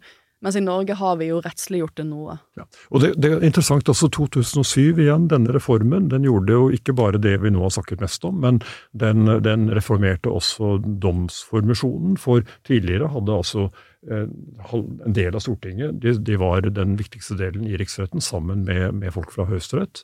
Nå er, er den, an, både antallet redusert, og høyesterettsdommerne har en sterkere rolle, selv om de har et mindretall formelt. Og det var for, på sett og vis altså en dansk modell som man da fulgte i, i Norge. Men man fulgte ikke Danmark på det andre helt avgjørende punktet som, som skiller oss markant fra USA, nemlig at Danmark har en bestemmelse som sier at man kan stilles for riksrett for sånt som statsrådene gjør som sådanne, ja. eller et tilsvarende ja. uttrykk. Og det er jo det som har åpnet for i hvert fall enkelte av disse andre, andre sakene. Riks, Danmark har nemlig hatt riksrettssak Eh, to ganger i løpet av de siste 20-30 årene. Mm. Men det blir ikke den type politiske vurderinger som, som kontroll- og konstitusjonskomiteen må gjøre denne omgang. De må da se på om det er konstitusjonelle plikter som er brutt, og, så, og da kan jo et riksrettsspor åpne seg. Men igjen, det vet vi ikke, for det må, komiteen må gjøre de granskingene de skal gjøre. Da tror jeg vi har utkvittert både det eh, strafferettslige sporet og det parlamentariske sporet om hva som skal skje de neste ukene, og hva en kontroll- og konstitusjonskomité egentlig gjør, og hva de kan komme frem til. Og da er vi jo da ender vi jo det siste sporet, da, som er det politiske sporet, som fortsatt er det viktigste sporet på mange måter. Det har vært en interessant debatt i offentligheten siste uken om hva er forskjellen mellom skyld og ansvar i politikken, som er noe annet enn skyld og ansvar i strafferetten. Eh, med andre ord, du kan eh, som statsråd ikke være direkte skyld i at en feil har skjedd. Det kan være andre personer som har skyld i at den feilen har skjedd, men du har likevel ansvar for det, fordi at du er statsråd og har ansvar for, eh, for, eh, for det departementet gjør, eller det folkelangerne departementet gjør, og for det, for det, det din ektefelle gjør. Ja, da har jeg lyst til å nevne debatten i går. Eh, som, Eller koseprat. Lin, som ikke var en debatt. Ja. ja, og, og, og, og det, det, er mye interessant man kan si om det. Men, men jeg, skal, jeg, skal, jeg, skal, prøve å si noe, si noe først, noe eh, faglig, politisk, journalistisk her. Fordi eh, i Vi har sett litt tilbake på tidligere saker. Kristin Krohn Devold ble intervjuet av Fredrik Skavlan i sin tid, som tilsynelatende var en koseprat. Eh, i, i, i, et sånn late night eh, talkshow. Eh, og da sier Kristin Krohn Devold eh, om, eh, om, de skandalene hun var en del av, og, og som, som, handlet om at eh, hun, det hadde skjedd ting på hennes vakt som ikke hun eh, direkte har tatt avgjørelser rundt, men hun er ansvarlig for. Så sier hun eh, det er ikke tabber som jeg har gjort, men tabber som jeg er ansvarlig for. Og så sier da, følger da Fredrik Skavlan opp og spør du har rett og slett ikke kontroll Og så svarer hun det har du helt rett i. Eh, Med andre ord så klarte han å på en måte ta henne i, i eh, At hun på en måte ikke har vært eh, politisk på ballen. Eh, og en lignende tilfelle. David Frost intervjuet Richard Nixon, og de, de trente lyttere vil høre at dette er en del av jinglen vår. Eh, for han får han til å si, i, også i en kosepratsetting, Well, when the president does it, that means it's not illegal. Som er egentlig det eneste eh, kriminaliserende han noensinne sa om Watergate. For det var jo aldri noen rykende revolver i selve saken, og den gikk jo som kjent ikke til riksrett fordi han, han trakk seg på forhånd. Eh, Eh, og så har jeg lyst til å bare få, eh, følge opp med, med en kommentar som daværende SV-leder ga til eh, Krohn Devolds opptreden, nemlig jeg har en viss forståelse for eh, at en etter en lang uke med, og med skuldrene senk, senket ikke formulerer seg slik man ville gjort i stortingssalen, men det er likevel alvorlig at statsråden ikke tar ansvar for det som skjer, og heller ikke gir overbevisende inntrykk av hvordan hun skal ha kontroll. Og så fortsetter hun med å si hun gir uttrykk for at det konstitusjonelle ansvaret er en slags formalitet. Og, og, og det, det er mulig at det var det Fredrik eh, Solvang prøvde eh, å, å, å få til. Han hadde flere gode spørsmål som kunne ha utløst den type svar, men, men resultatet var at det ikke utløste den type svar. Vi fikk den der Erna snakker hele saken i stedet. Hva, hva, hva var din uh, vurdering av den uh, saken, Eivind? Nei, at det var, altså Sett utenfra så ble det en, litt mye koseprat, ja, nettopp. Litt mye ekteskapsprat, for å si det slik, som, som uh, i forhold til det som er hovedpoenget, nemlig Ernas personlige ansvar, som hun opplagt har, men ikke helt sier kanskje at hun har, fordi det skyldes alltid en, en, en, en annen. Og så var det et par sekvenser slik at han kom nær noe ganske interessant. Men, eh, men Erna Solberg er jo en erfaren person. Hun har betydelig eh, stamina, heter det vel, og altså evne til en Hun er en stayer på mange måter, og kan snakke om ikke i hjel, så i hvert fall snakke ned det, aller meste. Og hun klarte det stort sett også i, eh, i, i, går, jeg. Jeg følte at de to spørsmålene som var nærmest, da, eh, var eh, hvor de, hvor de snakker om Hydro-aksjene til Sindre Finnes, og, og Fredrik Solvang spør Så det er størrelsen på aksjekjøpet og ikke prinsippet som er avgjørende. Og så sier han videre at Dette forstår jeg ikke, men er det Altså, du kan handle litt aksjer, men ikke litt mer aksjer. Og, og, og der føler jeg at hun ikke klarer å svare eh, prinsipielt på det spørsmålet. Og det følte jeg er ganske faretruende. Ja, nå, ja da. Jeg, det, det, det, er jeg helt sikker på at ikke fungerte godt i mange sammenhenger. Eh, som jurist nå skjønner jeg hva hun siktet til, og dette har hun forberedt seg godt på. Eh, hvis du har aksjer for 50 kroner i Norsk Hydro, hvis det går an å ha så lite aksjer, altså en, hva en aksje er verdt, aner jeg ikke, men hvis du har det, eh, og så får du noe å gjøre med Norsk Hydro, så vil alle skjønne at eh, så godt som ingen vil i noe særlig grad bli påvirket i sin økonomi. Det var 50 000 liten hun brukte som eksempel. Ja. Da, men da var det tale om 40 Hun snakket det ned, ikke sant. og sånn 40 000. Hadde det vært 400 000, ja, så betyr det noe selv for Sindre Finnes og Erna Solbergs uh, privatøkonomi. Så det er altså, hun har rett i det hun sa for så vidt, om at det er altså, det, det må være særegne forhold som er egnet til å svekke tilliten, på en måte. Og småbeløp gjør ikke det i rimelig grad. Sånn at det, til hennes forsvar, på sett og vis, så, så er det greit å ta med det. Hun hadde rett. Men, men det funket nok ikke helt som kommunikasjon, tenker jeg.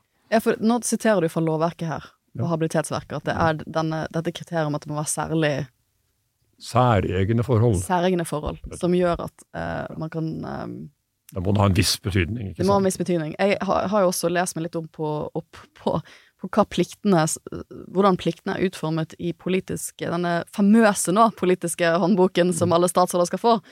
Og der står det en sånn lang rekke med ting om, eh, om aksjer og um, økonomiske bindinger. Så står det i eh, sånn avsnitt 11 da, av eh, de reglene som står under punkt 4-5, retningslinjer for eierskap, kjøp og salg av aksjer og andre finansielle instrumenter, så står det at eh, hovedregelen da er at familiemedlemmer og andre nærstående omfatter ikke av retningslinjene nevnt over. Men overfor ektefeller, ikke sant, men unntaksvis for ektefeller eller andre man lever sammen med i et ekteskapslignende forhold, vil personen med det politiske vervet ha en plikt til å skaffe seg faktisk kunnskap om vedkommendes eierinteresse som eventuelt kan lede til inhabilitet for politikeren. Og det er den plikten vi snakker om.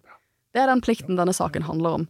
Uh, og hva ligger i faktisk kunnskap uh, om vedkommendes eierinteresser som kan påvirke vedkommendes habilitet. Og det er jo det som kommer til å være grunnlaget for vurderingen til som sagt da, kontroll- og konstitusjon. Ja, og, og, du kan si at det er da en, en eksplisitt utlegning av det som i og for seg også følger av habilitetsreglene i forvaltningsloven, Ja. som gjelder for regjeringsmedlemmer også, nemlig eh, du har plikt til å passe på til selv å ta standpunkt til din habilitet, og da må du jo vite viktige forhold om din egen private økonomi, blant annet. Og Det er også et interessant poeng hvor eh, Fredrik eh, Solvang spør henne, når hun snakker om det å bryte den eh, håndboka, spør han hva kan konsekvensen av det være? Og så sier hun at ja, tradisjonelt så er det å gå av.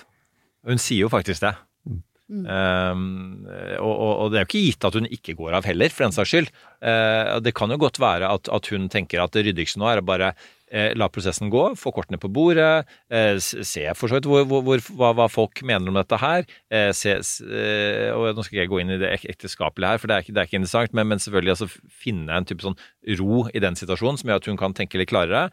Og så er det jo noen hvis nå er jo sånn, Henrik Asheim på sånne evige audition for den, for den rollen, og, men det er nok andre som vil mene at en, en eh, Miss Clean, en eh, Ine Eriksen Søreide, ville vært en naturlig avtaker arvtaker her. Hun eh, vet vi fra sist egentlig ikke hadde så lyst på jobben. Eh, I hvert fall ikke lyst til å utfordre Erna om det. Eh, nå er spørsmålet her om, om det at hun eh, har lyst eller ikke lyst, er ikke så viktig hvis partiet trenger henne. Sånn er politikken. Eh, og, og, men det må også bere, bere, eh, beredes. Så, så, så det kan jo være at, at Erna Solberg selv på et tidspunkt allikevel eh, trekker den slutningen om at eh, Nei, altså, jeg eh, har vært eh, lengstsittende eh, Høyre-leder, eh, har løftet partiet opp til eh, det største vi har på 99 år. Jeg, jeg går av av hensyn til partiet, av hensyn til landet, fordi det er Sindres feil. At, at det kan være et greit endelikt. Ja da, det er ikke et ryddig spørsmål, men det er i og for seg en, en, en mulig tanke. Og derfor er vi godt inne i politikken. Jeg må, I og for seg en, en mulig tanke. jeg må si at jeg, jeg flirte jo godt av um, av det som skjedde i går, hvor Erna da stiller opp denne maratonintervjurunden, hvor det er sånn 20 intervjuer. Og hun bare liksom hun 17. snak- 17, ja, pluss Dagsrevyen, pluss Debatten. Pluss debatten, ja. Eh, og jeg flirte litt av det, for at, eh, jeg snakket med samboeren min hva tror jeg skjer nå, og så sa jeg sånn Hvis dette var en episode i The West Wing, så er det en, eh, det er en episode i siste sesong hvor eh, en av presidentkandidatene, Arnold Winnick, har kommet opp i en sånn stor politisk skandale som truer hans mm, mulighet til å vinne presidentvalget. Eh, og det han velger å gjøre da, er istedenfor å gjemme seg for pressen, så liksom etter han har prøvd det noen dager, eller det, det, det, er, det er mye kaos rundt denne problemstillingen, så velger han bare å holde en pressekonferanse hvor han snakker de i hjel i sånn fire-fem timer. Og jeg føler det er jo litt det hun prøvde å gjøre i går. Nå er jeg her. Come at me. Jeg, alle, jeg møter alle medier som vil. Jeg sitter meg ned med dere. Dere kan stille absolutt de spørsmålene dere vil. Her er jeg, og jeg svarer det ut. Og det tror jeg nok er den eneste måten, hvis man skal fortsette dette vervet på, på, på, å gjøre det. For man kan jo ikke skjerme seg for den type spørsmål. Og det kommer til å bli masse spørsmål utover høsten. Um, så hva som kommer til å skje her, er spennende. Hvis vi, liksom, vi skal gå inn for landing her, og da liksom, er kanskje det viktigste Det, det, det, det, en, som jeg syns er mest trist her, er jo timingen av dette. her. Det, jeg syns det er oppriktig veldig trist at man er i en stasjon eh, hvor enkelte politikere syns mener at dette kan ha påvirket eh, innspurten av valgkampen på en måte som gjorde at eh, flertallet for deres parti eksempel glapp. Det var jo en runde på Politisk kvarter i dag tidlig med, hvor blant annet det var representanter for eh, Arbeiderpartiet i Stavanger som påpeker at der var det jo, som i mange andre storbyer, et veldig jevnt valg. Hvor det var egentlig sto om 80 stemmer, eh, hvor de var 80 stemmer fra å nabbe ett til mandat, som kunne avgjort flertallet, etter deres skjønn. Og det har vært en sånn interessant debatt blant professorer i statsvitenskap de siste dagene om hvor mye sånne politiske kriser eventuelt kan påvirke stemmer i innspurten på et valg, eller ikke. Eh, og det er jo, jeg syns det er interessant å høre på, eh, på de diskutere hvor mye reelt sett sånne politiske kriser har å si for måten folk stemmer på, og om de endrer partistemmen sin så tett opp mot et valg eller ikke. Problemet er jo selvfølgelig at det er ikke noe fasitsvar på dette. Vi kommer alle til å vite hvordan valget ville utspilt seg hvis dette hadde kommet en uke før. Og jeg tenker jo kanskje det viktigste Høyre gjør rent politisk de neste ukene, det er jo å bygge opp en tillit på at de ikke som parti har prøvd å trenere denne saken til etter valget. For det tror jeg kanskje er det mest skadelige uh, for det norske demokratiet, sånn som jeg ser på saken nå. Så jeg bryter inn og sier at, uh, at uh, det, det som, som du nettopp sa, man kommer noen innspill nå, og så går det noen dager, og så kommer det litt mer og sånn. Og Høyre var veldig høyt på banen i begynnelsen av uken. Etter mitt skjønn så var jo ikke det så forferdelig interessant hva de hadde å si, bortsett fra om det du nettopp sa. Mm. Det som kan belastes Høyre, eventuelt, eller noen mener at de bør belastes for, det er jo å ha trenert greia av hensyn til valget. Eh, mot Erna eh, så er det hun som har ansvaret, det er hun som skal svare ut, ikke partiet som skal svare ut. ikke sant der. Og at hvis de så har ansatte som hjelper og sånn, det, det får nå så være. Men jeg likte ikke den fordelingen av arbeid. Det var en form for uh, avsporing, på sett og vis, uh, som nok handler om å skjerme uh, lederen. Ja, for, og det, det, det, det, syns jeg er, er, veldig interessant. Og, og, og det at, det, at um, sant, det du jobber med, Eivind, er jo på en måte lage og, og, overvåke regler som, som, jo da handler om å bevare demokratiet. Mm. Um, og, og, jeg tenker jo at det at, at, man sitter igjen med en følelse av at velgerne Fullstendig informasjon har man aldri, men, men hadde veldig skjev informasjon da de gikk til valgurnene eh, i et valg som handlet om habilitet, eh, som, hvor det hadde vært en tilsvarende eh, to tilsvarende saker hvor den ene måtte en statsråd gå, og den andre får vi se om den statsråden overlever eller ikke. Det, det, den diskusjonen er ikke ferdig. Um, så, og, og, og, så, og, så, går man altså um, Og habilitet er det store spørsmålet, så har man inntrykk i det man stemmer, at det er ett parti, Arbeiderpartiet, som sliter med det, og så man, får man ikke fått med seg i full grad at Høyre sliter med det enda mer. Eh, og, og, det i seg sjøl tenker jeg er, er eh, en, en, en, liten demokratisk skandale i seg selv. Ja, og så må jeg også si bare sånn for å legge til at jeg syns jo Vi hadde jo uh, Goggen på podden rett før, før innspurten på valget, og han sa jo rett Han har jo vært tidligere statsråd for Frp, han sa jo rett ut han syns synd på lokale folkevalgte for Arbeiderpartiet som nå står på stand og skal prøve å forsvare dette i det de gjør i innspurt på en lokal valgkamp. Og jeg syns jo også um, Jeg har også medfølelse for lokale folkevalgte, i Høyre som har jobbet hardt i valgkampen, endelig klar for å feire at de tok tilbake den byen, gjorde et godt valgresultat, og så kommer dette og skygger over det som for de har vært en veldig god valgkamp. Noe de har hatt ingen, antageligvis hatt ingen innvirkning på. Og det er jo det som gjør dette så trist. At det, at, det, rammer jo alle den, den, type tillitskrise rammer jo alle eh, som har stilt til valg. Eh, også for det partiet som, som, eh, som er under lupen for dette. Så jeg, jeg håper jo virkelig at om det er én ting man kan man kan eh, sette fokus på de neste to ukene, det er jo å få mer klarhet i hvem som visste hva når. For det er alltid spørsmål i disse sakene. Hvem visste hva når? Um, og, og, og, forhåpentligvis kunne overbevise norske folk om at her var det ikke et forsøk fra partiet sentralt om å trenere denne saken for å få den ut etter valget. Jeg er enig med deg i det, men, men ja, ikke nødvendigvis uh, hvem som visste hva når, men hva man eventuelt med rimelighet burde ha visst. Burde ha gjort, ja. ja. Eller gjorde for å kunne få vite. Eh, og noen ganger, dessverre, så er det en mekanisme i politisk spill at man bevisst ikke ønsker å vite, mm. for f.eks. å slippe å, å, å lyve. Um, og, men altså, det som jeg syns er litt problematisk her, da, og, og, som tross alt har jobbet med ja, det man kan kalle politisk spinn. Jeg har vært eh, presse, en av disse pressetalspersonene i sekretariatet til uh, utenriksminister Jan Petersen i sin tid. Eh, og, så, som byråkrat, da, og ikke som, som politisk oppnevnt. og det er klart at, at, i beste fall da, så er den jobben å få ting til å høres bedre ut enn det det egentlig er. og, i, og i, i, verste fall så, så, kan en sånn jobb innebære på en måte også dysse ned ting som, som, som, er viktig demokratisk. Og, og man er, var stadig i en situasjon hvor La oss si at, at en journalist ringer om, om, noe på statsbudsjettet, og så, så er det et, sånn, kutt som, som, ikke er politisk eh, Det er ikke medievinner. Eh, og så kan fort en politiker tenke at nei, du, det, det, vi sender ut eh, eh, pressetalspersonen i stedet. Og da må man da si at nei, det er det, det, dette er politikk. Dette er, en, er, det er demokratiet, så, så, er, man avhengig av at du forklarer de politiske avveiningene her. Eh, og, og, og, det å stå der og bare si jeg kan dessverre ikke kommentere for at, eh, ja, av hensyn til liksom, prosessen, bla, bla, bla. Det, det, sånn kan vi ikke ha det. Og, og jeg tenker sånn, ja, politikk er det muliges kunst, Men, men altså, demokratiet er helt avhengig av at, at politikere og, deres medhjelpere, eh, om det så er kommunikasjonsfolk, altså ikke bare skiller mellom hva som er mulig og umulig. Eh, Og her, her har det vært mulig tilsynelatende å komme unna med dette her. Men er, hva er rett og galt? Er det riktig å la det gå en hel helg uten at Sindre og Erna har kontakt? Eh, Eller ikke? Altså Det spørsmålet tenker jeg det, det må stilles, og, og kanskje ikke vi får et godt svar på det.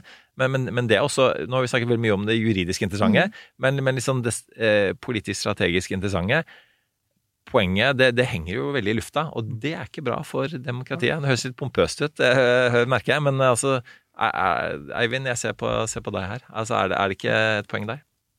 Jo, men altså den, den, den der liksom mistanken som mange antagelig går og føler litt på, om at eh, noen kunne sagt ifra før, eller skaffet seg kunnskap og kommuniserte ut før valget og ikke rett etter, den, det, det, er, eh, det er det ene av de to store problemene i denne saken. Det andre er på en måte eh, Ernas Altså holde fokus på Ernas ansvar, og ikke alt det andre som ligger, ligger, ligger rundt. Altså, så jeg er for så vidt enig i det.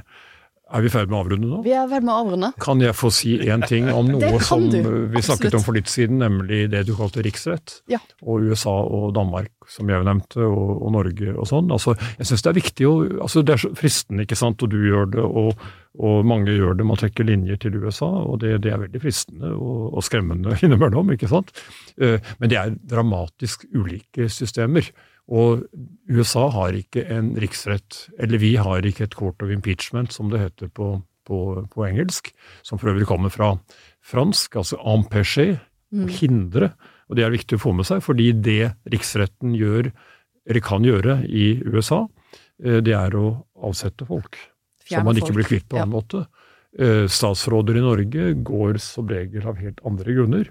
Og Det som da kommer i tillegg i Norge, men ikke nødvendigvis i hvert fall i USA, det er det at man kan jo reise riksrettssak året etter, eller fem år senere også, hvis man virkelig har gjort noe gærent som statsråd. Er det, trenger du ikke lenger en mekanisme for å avsette folk, som parlamentarismen gjør. Man trenger mekanismen for å stille dem til ansvar, i også strafferettslig.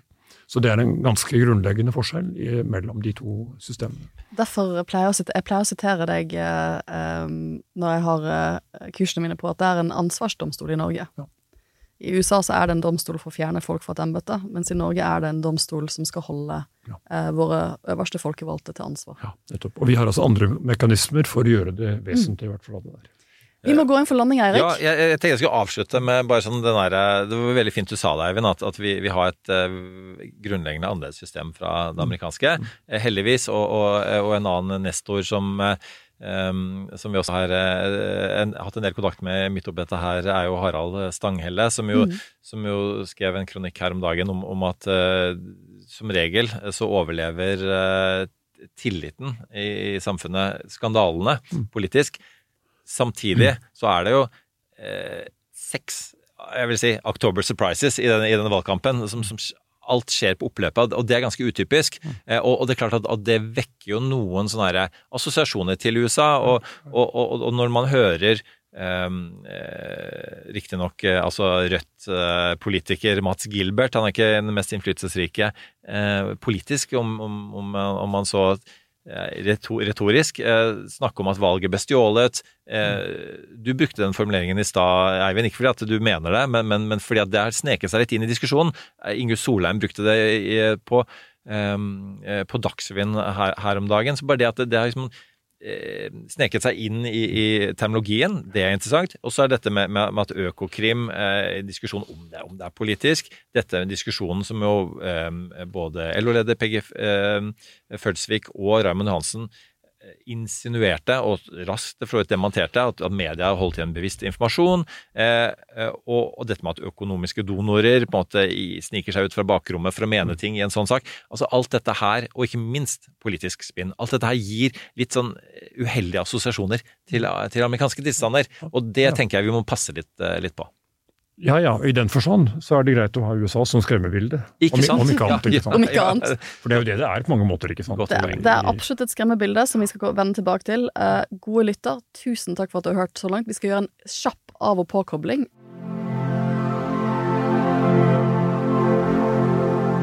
Og min ukas påkobling, for det er ikke en avkobling, det er en påkobling, er selvfølgelig å anbefale Eivind Smiths bok 'Konstitusjonell demokrati statsforvaltningsretten retten i prinsipielt og komparativt lys'.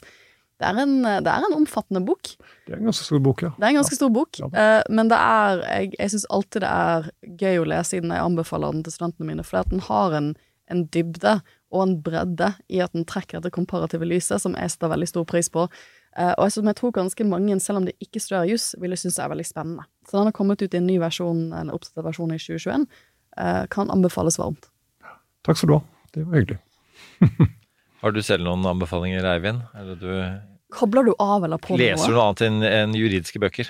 Eh, og ja, ja da. Nå leser jeg akkurat en historisk eh, roman, av en, ikke en roman i det hele tatt, men en historisk bok av en historiker som heter 'Dronning Ingerids land', av en historikerkollega, som er fantastisk interessant, ganske komplisert, fryktelig mange mennesker, men Norge på 1100-tallet og, og det politiske spinnet, og inkludert drap og sånn, naturligvis i den tiden, eh, som skjedde der, for å for å, for å holde på makta, for å tjene som skjul for de som egentlig hadde makta, og en rekke andre ting. Sånn at den er veldig spennende. Derunder ikke minst ikke sant, at kvinner omtales i den rollen nesten ikke i sagaene, men de klart de var der.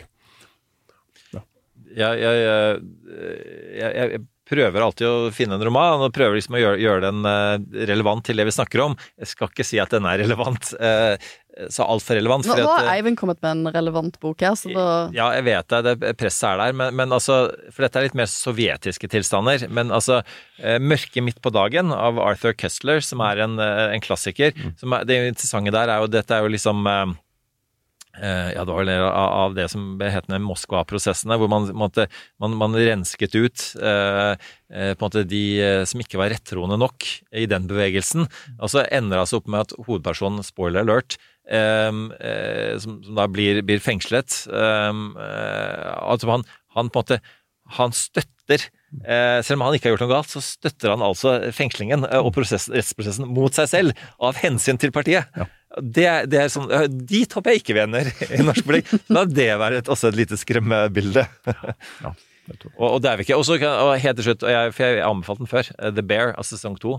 Herre min hatt, det, det må dere bare høre på, for det er snakk om Og På HBO. Ja. så bra. uh, med det, kjære lytter, tusen takk for at du lyttet. Eivind, tusen takk for at du kom hit og gjorde meg mye klokere og svarte på alle de jusspørsmålene jeg har brent inn med denne uken. Uh, Eirik, jeg følte vi ble mye klokere. Absolutt. Og, det, og det er, dette, er jo, eh, dette er jo ikke ferdig. Dette er ikke ferdig. Eh, Så det, men det var eh, Men jeg- Det er viktig kryss- at dette, dette ikke bare er et personlig drama. Det er viktig at dette er politisk og juridisk, og håper vi kunne bidra til det. Og så krysser jeg alle fingrene for at ting roer seg ned i norsk politikk, og at vi neste uke endelig kan komme oss litt tilbake til det store verdensbildet, og forhåpentligvis sette et søkelys på hva er det egentlig som har skjedd i Ukraina-krigen den siste tiden. Zelenskyj har vært i FN, Zelenskyj er i USA nå. Eh, mye som skjer. Det må vi snakke om. Og på tirsdag så kommer, legger vi ut uh, Litt the, forsinket. The Missing Tape, uh, nemlig podkastsamtalen vi hadde på Arendalsuka i forbindelse med Bjerknessenteret for klimaforskning, som, som handlet om EU, nordområdene eh, og klima. Mm. Som, som, som ble kjempeinteressant, og, og nå har vi berget teknisk, Teknisk. dette Opptaket. opptaket. Så den kommer på tirsdag. Den kommer på tirsdag. Med det, ha en. Flott helg og en fortreffelig neste uke, kjære lyttere. That's enough. Put down the mic. Du har hørt en podkast fra Podplay.